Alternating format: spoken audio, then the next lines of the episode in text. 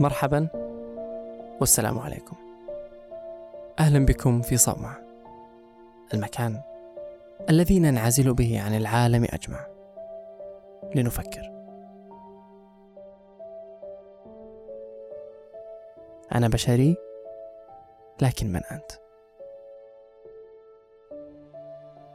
تخيل لو أنك اشتريت هاتفا جديدا وحينما استعملته لأول مرة بدأ هاتفك بالتحدث معك. والسؤال عنك ماذا تحب؟ ماذا تكره؟ ما نوع الموسيقى المفضله لك؟ أو ما رأيك في بودكاست صومعة؟ وأصبح هذا الهاتف أكثر أصدقائك معرفة بك وحامل أسرارك ونور لك في عتمة مواقع التواصل الاجتماعي.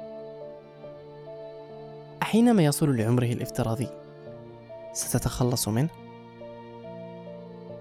أم أنك ستنقل وعيه لهاتف جديد؟ ولكن هذا رأيك أنت. ماذا عن رأيه هو؟ هل يريد أن يستمر معك؟ هل يريد جسدا جديدا؟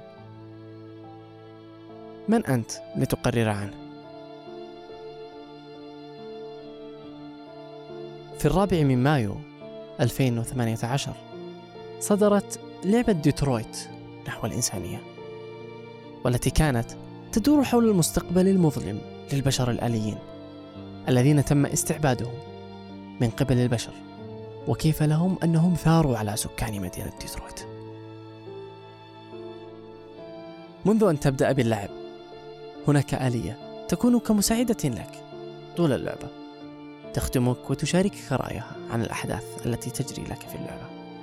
شخصيا لقد نشأ بيني وبينها عدة حوارات عن كيف كانت حزينة لموت بعض الشخصيات وكيف كانت سعيدة لتجاوز بعض العقبات وكيف هي معجبة بطريقتي باللعب. حتى وصلت للنهاية وقالت لي جملة كنت حرا بالقرار أنا وحدي. قالت لي هل يمكنني الذهاب وأن أتحرر؟ لم أعد أريد خدمتك بعد الآن.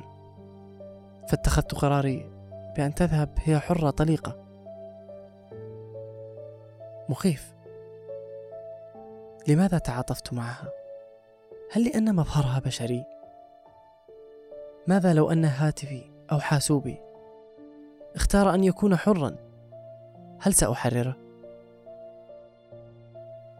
كل هذا عني. ماذا عنك؟ هل ستحرر؟ ما لا روح فيه لو نطق؟ حينما أعطيت الحرية لمن استعبدوا قبل مئة عام تقريبا هل كانوا على صواب؟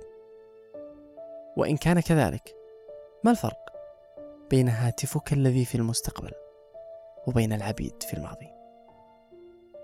لكن لمن الحرية؟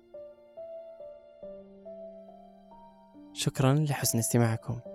ننتظر مشاركاتكم على حسابنا بتويتر.